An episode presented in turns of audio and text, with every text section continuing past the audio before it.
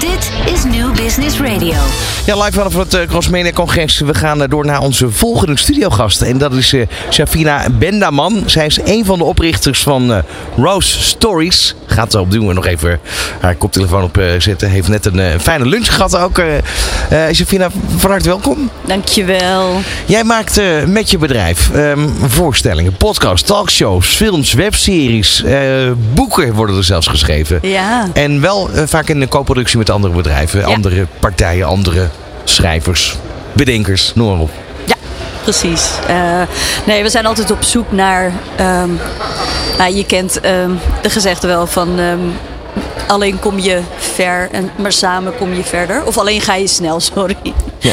Maar dus nee, nee we, we, zijn altijd op zoek naar de juiste partners waar we gewoon echt verder mee kunnen komen. Dus, uh, Belangrijke kanttekening. Ja. Alleen met vrouwen. Ja. Ja, nou, daar, daar, daar zijn we heel trots op. Ja, en, en dat, dat, kan me voorstellen. Ja. Waarom, van waar die keuze? Het is niet echt een keuze geweest. Um, ik denk dat er heel veel um, toffe bedrijven zijn, toffe organisaties. Maar je ziet toch wel dat de representatie minimaal is wat betreft vrouwen. Uh, dus wij hebben echt zo bedacht van zolang dat niet 50-50 is, uh, in beeld, achter de schermen, dan willen wij gewoon dat stukje recht trekken. Dus wij willen gewoon zoveel mogelijk vrouwen. En als het, als het loopt, mannen ook een kans geven. Maar vooralsnog ja, krijgen wij toch vaak hele toffe vrouwen. waar, waar, waar, moeten die vrouwen aan, aan voldoen? Moeten ze authentiek zijn? Dat is misschien een open deur, maar... Mm, ja, tuurlijk. Maar dat, dat geldt voor iedereen. Het, het, de, ja, grappige vraag wel. Maar nee, nee. Ik bedoel, ze moeten voldoen aan. Ik bedoel, wij werken met veel makers, maar ook organisaties die we tof vinden. Maar als we het hebben over makers, nee, dan gaat het om authentieke verhalen en niet uh, wie zij als mens zijn. Nee, maar dat is eigenlijk authentieke makers. Ja. Ik bedoel het daarmee zeggen. Ja, makers die dus op een authentieke manier te werk gaan. Ja, ja, ja zeker. Uh, wat heb je te vertellen? Hoe wil je bijdragen aan de samenleving? En uh, voor ons is het belangrijk dat je dat op een uh, coole, leuke, toffe manier doet. Um, iets wat de samenleving in beweging zet. En nou ja, ergens ook als een voorbeeld dient. Maar wat ik wat ik altijd. Het allerbelangrijkste is dat het fun is. Weet je? Dus dat we het leuk vinden om het te lezen, om er naar te kijken. Ja, eh, zoals mensen zeggen, de lachende traan. Het is, uh, maar het, het, het, ja. het, klopt wel. Dus daar zoek je naar. Maar laat ik het in alle eerlijkheid zo zeggen. dat, dat, dat gebeurt niet in één dag. Je moet mensen ook de kans geven om te proberen, om te leren, um, om op hun bek te gaan. Dus dat, dat, die ruimte proberen we vooral te creëren. Een safe space waar je gewoon echt kan groeien als maker. En je zoekt eigenlijk ook verhalen ja. uh, die, die gemist worden als het ware. Ja. Waarvan je zegt van ja, deze verhalen die missen we. Ja. Heb je een, een, soort van bucketlist met elkaar gemaakt waarbij je denkt van goh, hier zou eens iets van, van moeten komen. En op het moment dat je dat tegenkomt, dat je denkt ja, kom maar, haak maar aan. Ja, ja. Nee, helaas maken we niet een plan van gemiste verhalen. Maar het is ook een soort. Wat leeft er in de samenleving? Wat mist de samenleving? Dus dat is iets wat natuurlijk uh, om de havenklap ook, uh, ook verschuift ja, ja, en verandert. Ja, ik, ik, vind dat dat in general geldt dat voor inclusie. Het is niet een soort van vaststaand iets. Het is wat speelt er in de samenleving? Wat we nodig? Waar willen we meer over weten? Voor mij zijn dit op dit moment heel erg thema's zoals um, nou ja, gendergelijkheid. Um, het klinkt allemaal heel uh, wollig, maar ook armoede. Maar wij proberen dat op een hele leuke manier te brengen. Um, zeker als het gaat om kinderboeken of kindercontent. Hoe zorg je ervoor dat je eigenlijk dat, dat bijzondere verhaal, wat het verschil kan maken voor een kind, een mens, um, en toch wel op een. Um, ja, volgens mij verkocht BCL jaren terug wit brood, maar het was eigenlijk stiekem bruin brood. Dat is een beetje wat we proberen te doen. Ja op een leuke manier uh, toch een bijdrage aan de samenleving. dat, is eigenlijk wat je bedoelt te zeggen natuurlijk. Dat, en, en, dat is wel de droom, ja. ja en, en, hoe, hoe gaat dat dan eigenlijk? Want ik kan me ook voorstellen dat je ergens een, een, een rond businessmodel moet hebben. Dat het moet kloppen, het plaatje. Maar dat in de kunst en cultuur niet altijd mogelijk is. Ja. Nou, je maakt het kloppend. Ik, we, we, zitten hier natuurlijk op uh, dit congres en uh, uh, het Cross Media Congres.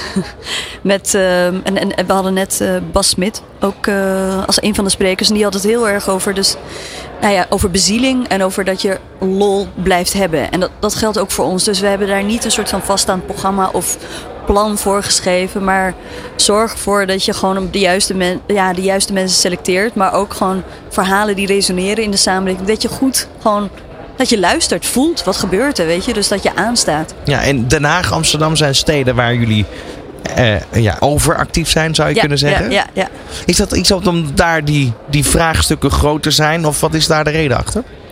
Nee, in alle eerlijkheid, uh, ik heb in Amsterdam gewoond en woon nu in Den Haag. En kom oorspronkelijk uit Den Haag. Dus, dus, dus je, je zoekt ook vooral je kijkt, bedoel, als we het hebben over luisteren, voelen en uh, kijken wat er zich beweegt landelijk, maar ook vooral lokaal. Dat is wat we doen. Dus ik, ik zoek het dicht bij huis. Um, dus heel organisch. Ja. Maar ik zou het te gek vinden um, om verder te kijken wat we landelijk kunnen doen. Maar dan moet je wel de juiste mensen hebben de juiste collega's voor vinden. Um, ik vind niet dat ik zomaar ineens in Groningen dit soort dingen kan gaan doen. En hoe groot is het collectief op dit moment? En welke grootte bedoel je dan? Qua hoeveel mensen? Nou, hoeveel mensen zijn aangesloten?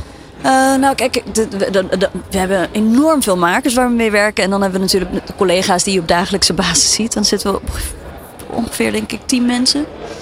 Maar qua makers echt gigantisch. Uh, weet je, met de ene maker werk je heel intensief en loop je jaren mee.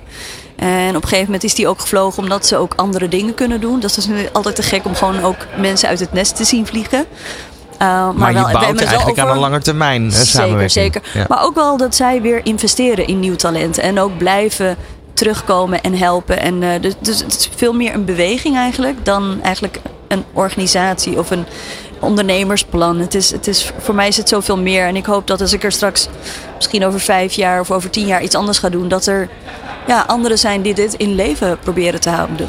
Is er nu een case, als ik er nu gewoon uh, een, een, een, per nu vraag, per direct, um, die je zou willen benoemen? Eén case.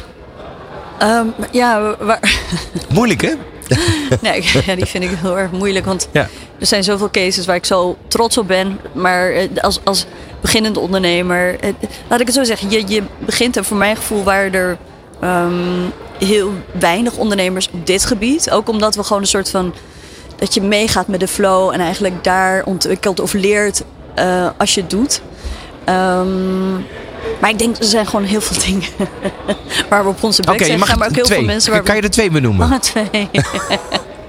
nou, waar, waar, ik super trots op ben, is natuurlijk het, hele verhaal van Melk en Dadels. Weet je, wat gestart is vanuit je eigen verhalen, eigen passie. Dus dat we echt de verhalen van Marokkaans-Nederlandse vrouwen wilden optekenen. Nou ja, dat, dat ging echt met zoveel liefde, maar ook heel moeizaam om het te maken. Want je gaat voor het eerst zelf een kookboek maken en we hadden nog nooit zoiets gedaan.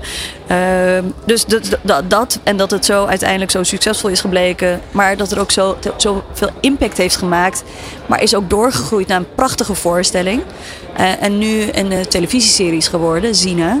Nou ja, dat bij elkaar en de mensen die het bereikt, ja, dat, dat nou, ja, heb je een mooi verhaal te pakken, toch? Nou, ja, ja, dat maakt me enorm trots. En ik doe het niet alleen hoor, we zijn met zoveel. Um, maar dat je met mensen ja, zo'n groep mensen iets in beweging kan zetten in de samenleving. Ja. Mooi verhaal. Ja. Um, nog even terug naar het Cosmenia-congres. Wat hoop je hier vandaag nog uh, mee te nemen als je naar huis gaat?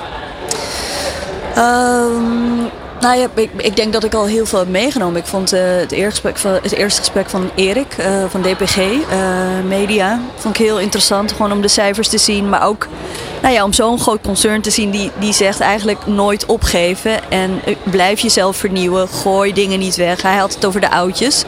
Gooi de oudjes niet weg. Ik denk als het gaat over inclusie, als het gaat over diversiteit, zou ik zeggen, focus je daarop. Dus dat, dat vond ik een soort van gemis in het gesprek. Maar tegelijkertijd ook wel heel tof dat ik daarin kan aanvullen. Dat zou ik mensen mee willen geven zelf. En, en Bas was echt um, qua fun en inspiratie. Bas Smit, ja. ja.